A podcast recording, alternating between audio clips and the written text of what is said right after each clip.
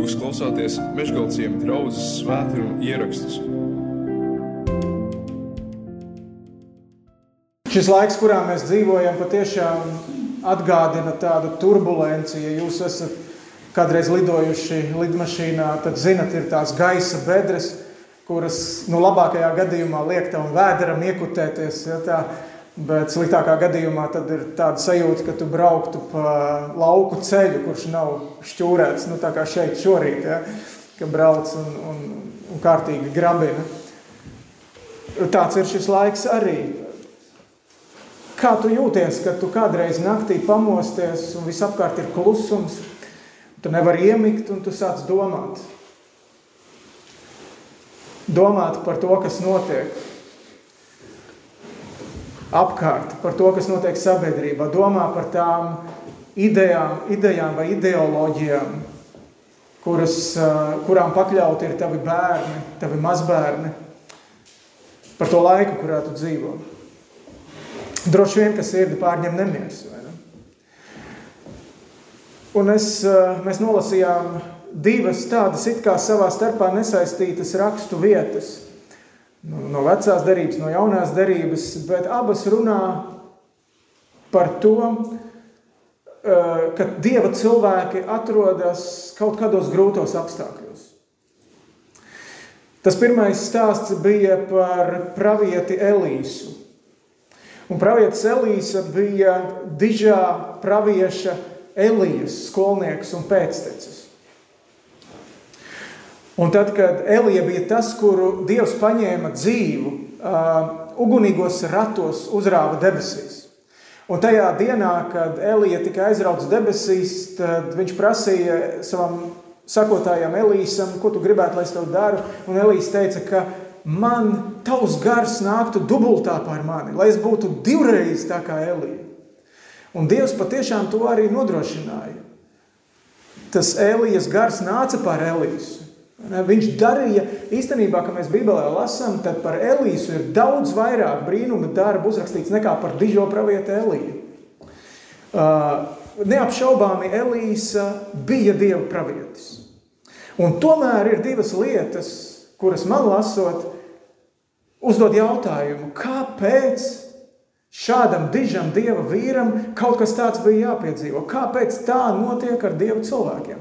Pirmkārt, jau bija tas, ka mēs lasījām, ka Elīsa sasirga ar slimību, no kuras arī viņš nomira. Kāpēc?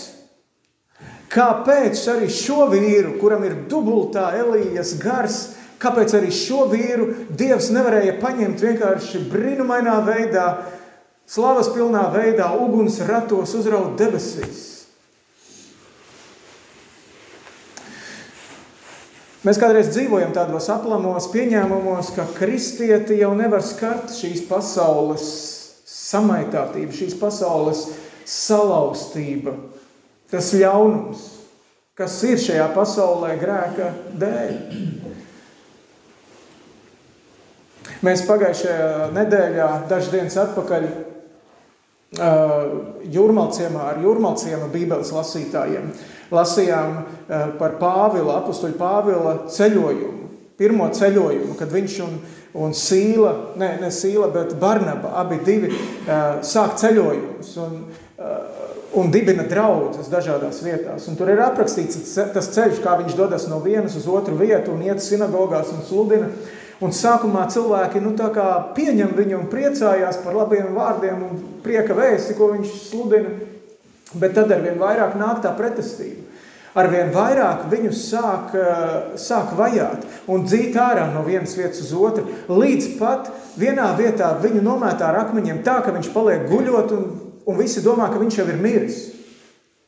Jā, bet viņš pieceļās un ieiet tajā pilsētā atpakaļ pie draudzes. Un saprotiet, tajā brīdī viņam ir iz, iz, izdevība, mēs skatījāmies vēl kartē, viņam ir izdevība iet uz priekšu un atgriezties pēc kāda laika atpakaļ tajā bāzes vietā, no kurienes viņi ir iznākuši. Bet viņi ar sīlu, atvainojos nevis ar sīlu, bet ar Barnabu pieņem lēmumu doties atpakaļ pa tiem pašiem, pa, tiem, pa to pašu ceļu, pa, uz tām pašām vietām, lai stiprinātu tos, ticīgo pulciņus, tās mazās draudzītes, kas ir palikušas tajās vietiņās. Viņš piekauts, ar akmeņiem nomētāts, zilumains, droši vien asiņains, iet atpakaļ pa tiem pašiem ceļiem, kur viņš tika vajāts un nomētāts ar akmeņiem. Un, un interesanti, ko viņš saka. Ir tādi vārdi apustuļu darbā 14. nodaļā, 22. pāns, viņi gāja atpakaļ stiprinādami mācekļu dvēseles un pamācīdami palikt ticībā un ka caur daudz bēdām mums jāieiet debesu valstībā. Dievs pieļauj šādas lietas. Dievs pieļauj. Kāpēc? Daudzreiz mēs nezināsim, kāpēc. Mēs, mums nebūs šī atbilde uzreiz, kāpēc ar mani kaut kas tāds notiek. Un tomēr mums ir jāuzticas tam, ka Dievs zina, ko viņš dara. Tāpēc, ka tā ir Bībelē rakstīts, ka tiem, kas mīl Dievu, visas lietas nāk par labu. Ne tikai tās labās, bet arī tās, kuras mēs nesaprotam, kas mums nepatīk.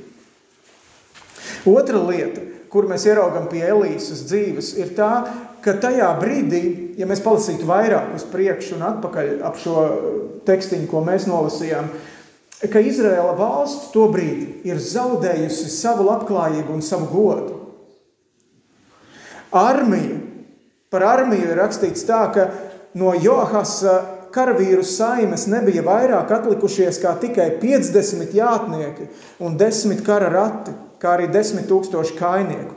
Aramas ķēniņš tos bija nokāvis un padarījis tos līdzīgus pīšļiem, kas saminām. Armija ir izdzenāta. Desmit tanki ir palikuši, ja, tikai 50 jātnieki. Valdnieks, par valdnieku ir rakstīts, ka viņš darīja to, kas bija ļauns tā kunga acīs. Viņš neatkāpās no Jerobeāma nebata dēla grēku darbiem, ar kuriem tas bija pavadinājis Izraēlu grēkot. Viņš tajos staigāja, valdnieks, Izraēla tautas valdnieks. Un tad mēs domājam, kāpēc šis varenais pravietis, Elīsa, pat viņš nespēja ietekmēt to laiku, kurā viņš dzīvoja. Pat viņš nespēja ietekmēt savu tautu, ka tā varētu dzīvot un kalpot Dievam, ka tā netiktu iznīcināta karalaukā. Kāpēc arī viņam ir jāpiedzīvo pazemojumi un zaudējumi? Es domāju, ka arī mēs pamanām, ka šajā laikā, kurā mēs dzīvojam, arī kaut kas būtiski mainās. Kaut kas, kaut kas slīd ārā no mūsu rokām. Un ne tikai tāpēc, ka jaunībā tāpat tās zāle bija zaļāka un debesis zilākas, to mēs visi zinām, ka tā ir, bet objektīvi. Patiešām visās jomās, gan politikā, gan ekonomikā, gan morālē, daudz kas mainās, un mēs nespējam kā draudze apturēt šos procesus. Mēs nete, nespējam apturēt šo grīļošanos. Tāpēc, ka laikmeti bieži vien ir tā tāds pendelis pulkstenim, vai ne? Viņš iet no vienas puses uz otru pusi. Un dažreiz jā, šis cilvēku un, un, un vadītāju uh, nu, tas neprāts ir vai nu vienā pusē, vai nu otrā galējībā. Visu laiku kaut kur šīs svārstības. Un Dievs mūs no tā nepasargā. Caur daudz grūtībām mums būs tāpat jāiet un jāiet debesu valstībā. Pāvils to teica? Pirms brīža teica jums. Vai Dievs nav labs tēvs? Kaut gan, kas to zina, no kā viņš mūs ir pasargājis? Tas, kas nav noticis, mēs jau nezinām. Varbūt, viņš mūs no ārkārtīgi lielām ziepēm jau ir pasargājis. To mēs nezinām. Ne? Bet viņš ir atstājis mūs šeit. Viņš ir atstājis savu draugu šeit.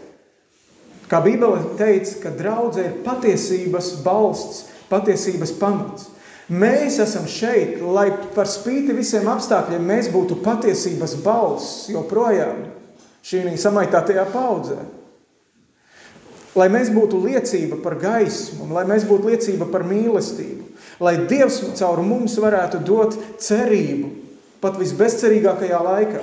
Tā kā Elīze šeit arī, pat uz nāves gultas gulēdams, visās šajās apstākļos, viņš Viņš teica, vai ne, tur uzvelc to bultu un šauj tagad.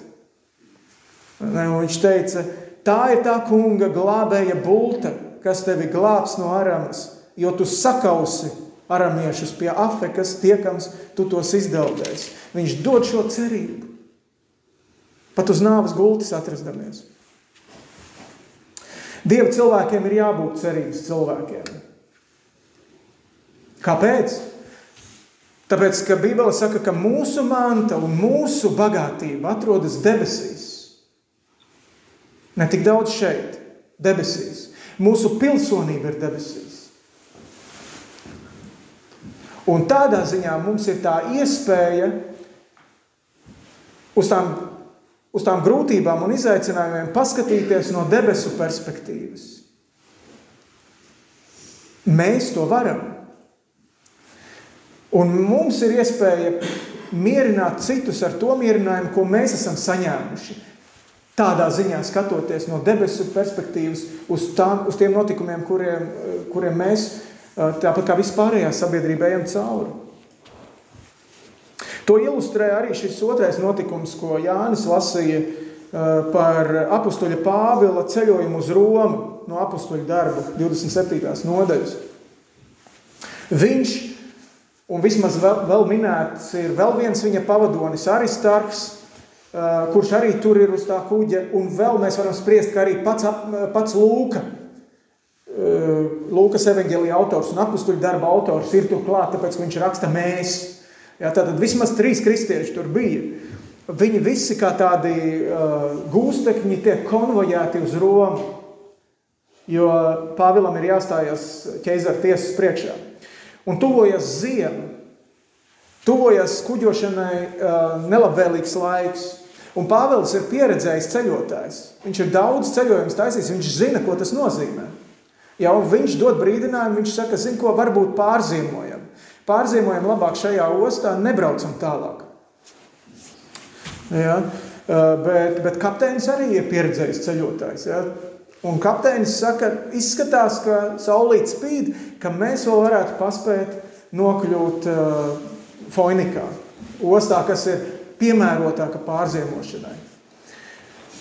Lai arī tas centurions Jūlijs, kurš ir eh, kā, pavadonis, apsargs šiem cietumniekiem, lai arī viņš ir labvēlīgs, ja, tad tik un tā šis kristiešu pulciņš ir, eh, ir mazākumā. Šajā balsojumā kristieši ir mazākumā. Un viņi izlēma lasējā nepār, nepārziemot, bet doties tālāk. Un sākumā liekas, nu, ir reāls cerības aizsniegt to Foinikas ostu. Un tomēr vētra pienāk agrāk nekā kapteinis bija cerējis. Un dažu dienu laikā tās cerības pazūd. Viņi pašu rokām izmet ārā pāri kuģa bortam visu dārgo kravu, ko viņi tur veda, un vēl pēc kāda laika visus navigācijas instrumentus, kas palīdzētu viņiem vispār orientēties, kur viņi atrodas. Un tad Dievs apžēlojas. Tajā pašā trakākajā brīdī Dievs caur saviem kalpiem dod apsolījumu. Dievs parūpējas par savējiem. Un viņš uzdāvina žēlastību arī visiem pārējiem, kas viņiem ir apkārt, kopā tajā kuģī, 276 cilvēkiem. Mēs savā veidā varam vilkt tādas paralēlas arī šodien ar šo uh, nu, progresīvā vai uh, konservatīvā pretstāve. Kāda, kāda tā ir šodien, ko mēs piedzīvojam. Tas pendelis šobrīd ir tā progresīvisma pusē, vai ne? Un progresīvisms bieži vien ņem, ņem to cerību vienkārši uz kredīta, bez jebkāda seguma, bez jebkāda galvojuma. Vienkārši mēs ceram, ka ja mēs šito darīsim, tad mēs nonāksim tur un būs labi un būs laiputrī kārtībā. Visi, visi, visi dzīvos laimīgi. Konservatīvais bieži vien atskatās uz pagātni, atskatās uz pieredzi un brīdina. Tā kā Jeremijas grāmatā, 6. nodaļa, 16. pāns saka, skatieties, kas ir tas labais svētības vilnais ceļš, pa kur tu kādreiz esi gājis, ja? un tad turpini pa to iet arī tagad vēl. Šobrīd tas pūļa neprāts šķiet, ka ir lielā plaukumā? Kaut gan rietumos ir jau dzirdams, ka tas bišķiņ jau noriet un cilvēki sāk attapties. Mums vēl droši vien kādi gadi līdz tam būs jāgaida. Un tomēr, tad, kad mēs visi būsim vētrā. Arī mēs droši vien, ja? līdz ar šiem neprātīgiem lēmumiem. Tad, kad mēs visi būsim vētrā un hausā, tad Dievs caur mums atkal varēs dot cerību un drosmi. Cerību tiem, kuri neatšķir savu labo roku no kreisās rokas. Tā kā Jonas grāmatas beigās Dievs saka par lielo pilsētu Ninīvi, kuru viņš gribēja iznīcināt. Bet tāpēc viņš sūtīja Jonu, lai dotu viņiem vispār evaņģēliju, atgriešanās laiku un iespēju. Viņš saka, viņi jau neatšķir labo kreiso roku, un es viņus mīlu. Es viņus mīlu. Tāpēc jūs esat šeit, draugi. Tāpēc, esat, tāpēc mēs esam šeit, lai dotu šo vēsti, šo cerību. Es nezinu, vai jūs esat optimisti pēc dabas. Es nē, es personīgi neesmu. Bet mums ir cerība. Mums ir cerība, kas ir balstīta Dieva apsolījumos. Tāpēc, ka mums ir atklāta nākotne, Dievs kaut kādā veidā Diev, eh, savos svētajos rakstos ir atklājis par to, kas notiks nākotnē. Kad mēs lasām, piemēram, Mateja evaņģēlī 24. un 25. nodaļu, vai Lūkas 21. vai eh, Marka 13. nodaļu, kur runāts par pēdējiem laikiem, par Jēzus Kristus otro atnākšanu, vai atklāsmes grāmatu, kur daudz kas ir nesaprotams, ne? Bet cauri tam visam mēs ieraugam, ka šīs, šīs vēsts kulminācija ir tā, ka Dievs paliek uzvarētājs. Dievs neļaus sev apsmiet, Dievs paliek uzvarētājs pāri visam. Tā ir tā vēsts, kura mums ir caur visiem šiem tekstiem zināma. Un tad, kad mēs zinām šīs beigas, tad no tā punkta mēs varam skatīties atpakaļ uz tiem apstākļiem, kuros mēs šodien dzīvojam un kas mums nepatīk, varbūt bieži vien. Mēs varam skatīties atpakaļ un ticēt, ka Dievs zina, ko Viņš dara. Un ka tiem, kuri, kuri mīl Dievu, visas, visas, visas lietas nāk par labu. Viņš dara visu mūsu audzināšanai, kā Bībele saka, lai Dieva cilvēks būtu pilnīgs un sagatavots katram labam darbam. Mīļa draudzene šeit, šajā laikā nav pārpratums. Tas, ka draudzene šeit atrodas. Mēs dzīvojam tajos pašos apstākļos, kuros visi pārējie. Tā atšķirība ir tikai tā, ka mums ir cerība. Mums ir alternatīva. Un tāpēc tā viena lieta, ko es gribētu, lai mēs atceramies, tad, kad mēs arī iziesim ārpusē, kad dievkalpojums beigsies un mēs atgriezīsimies katrs savā vietiņā atpakaļ, ka, ka tas, tā nav Dieva griba, ka mēs bēgtu vai vairītos no šīs sabiedrības. Ka mēs aizietu tādā tā kā klosterī un dzīvotu tikai tādā savā izradzēto pulciņā. Nē, mēs dzīvojam šajā sabiedrībā. Mēs neesam paņemti prom, mēs šeit dzīvojam un atrodamies. Jēzus tieši tāpat, kā jūs lasat Jēzus dzīves stāstus, Jēzus bija starp tiem cilvēkiem, starp muitniekiem, grēciniekiem, tiem, kuriem ne, vissliktāk gāja. Jēzus tāds bija. Mēs arī varam būt turpat, bet, mēs, bet mums ir jābūt atšķirīgiem. Mums ir jābūt cilvēkiem ar cerību, cilvēkiem, kuri var parādīt ne, alternatīvu arī uz šī laika notikumiem uh, savu līdzcilvēku dzīvēs un pieredzēs. Otra lieta, ko es gribu teikt, tā, tā jūsu unikālā pieredze, kas jums ir, kad jūs esat gājuši cauri dažādām trakām lietām. Un jūs droši vien esat viens otrs gājuši ļoti daudz lielākām grūtībām, nekā es esmu gājis cauri savā dzīvē. Ja? Tās, tā tava unikālā pieredze, tā ir tava bagātība. Tā tava pieredze, tā ir tava bagātība. Un tev ir iespēja dalīties ar to, ar cilvēkiem, kuri tagad iet kaut kam tādam cauri. Vienalga, vai tā būtu bijusi kaut kāda attiecību krīze, vai laulības krīze, vai, vai finansiāla krīze, kura, kurai Dievs tev ir izvedis cauri. Vai veselības krīze, kurai Dievs tev ir izvedis cauri. Tā visa ir tava pieredze, ar kur tu vari dalīties ar tiem cilvēkiem, kuri dzīvo un, un kuriem nav cerības, un kuri ir izmisumā, un kuri, kuri ir grūtībās. Dzīvot un dalīties ar to. Tāpēc mēs esam šeit. Tāpēc mēs esam cerības cilvēki. Lai Dievs mūs uz to svētī, ka mēs šo sveci neturam, neturam zem pūra. Lūksim Dievu. Mīļais Dievs, mēs sakam paldies Tev, ka pateicoties Tev, ka pat ja mēs esam grūtībās, mēs varam būt priecīgi. Mēs varam būt arī nabagi, bet darīt daudzus bagātus, kā Bībele saka. Mums var nebūt nekā, bet tāpat laikā mēs ticam un zinām, Tā ir mūsu ticība, ka mums pieder visa tava bagātība. Jo mēs taču esam tavi mantinieki, tavs īpašums, ķēnišķīgi priesteri. Un par šo cerību mēs tev pateicamies Jēzus Kristus vārdā. Āmen!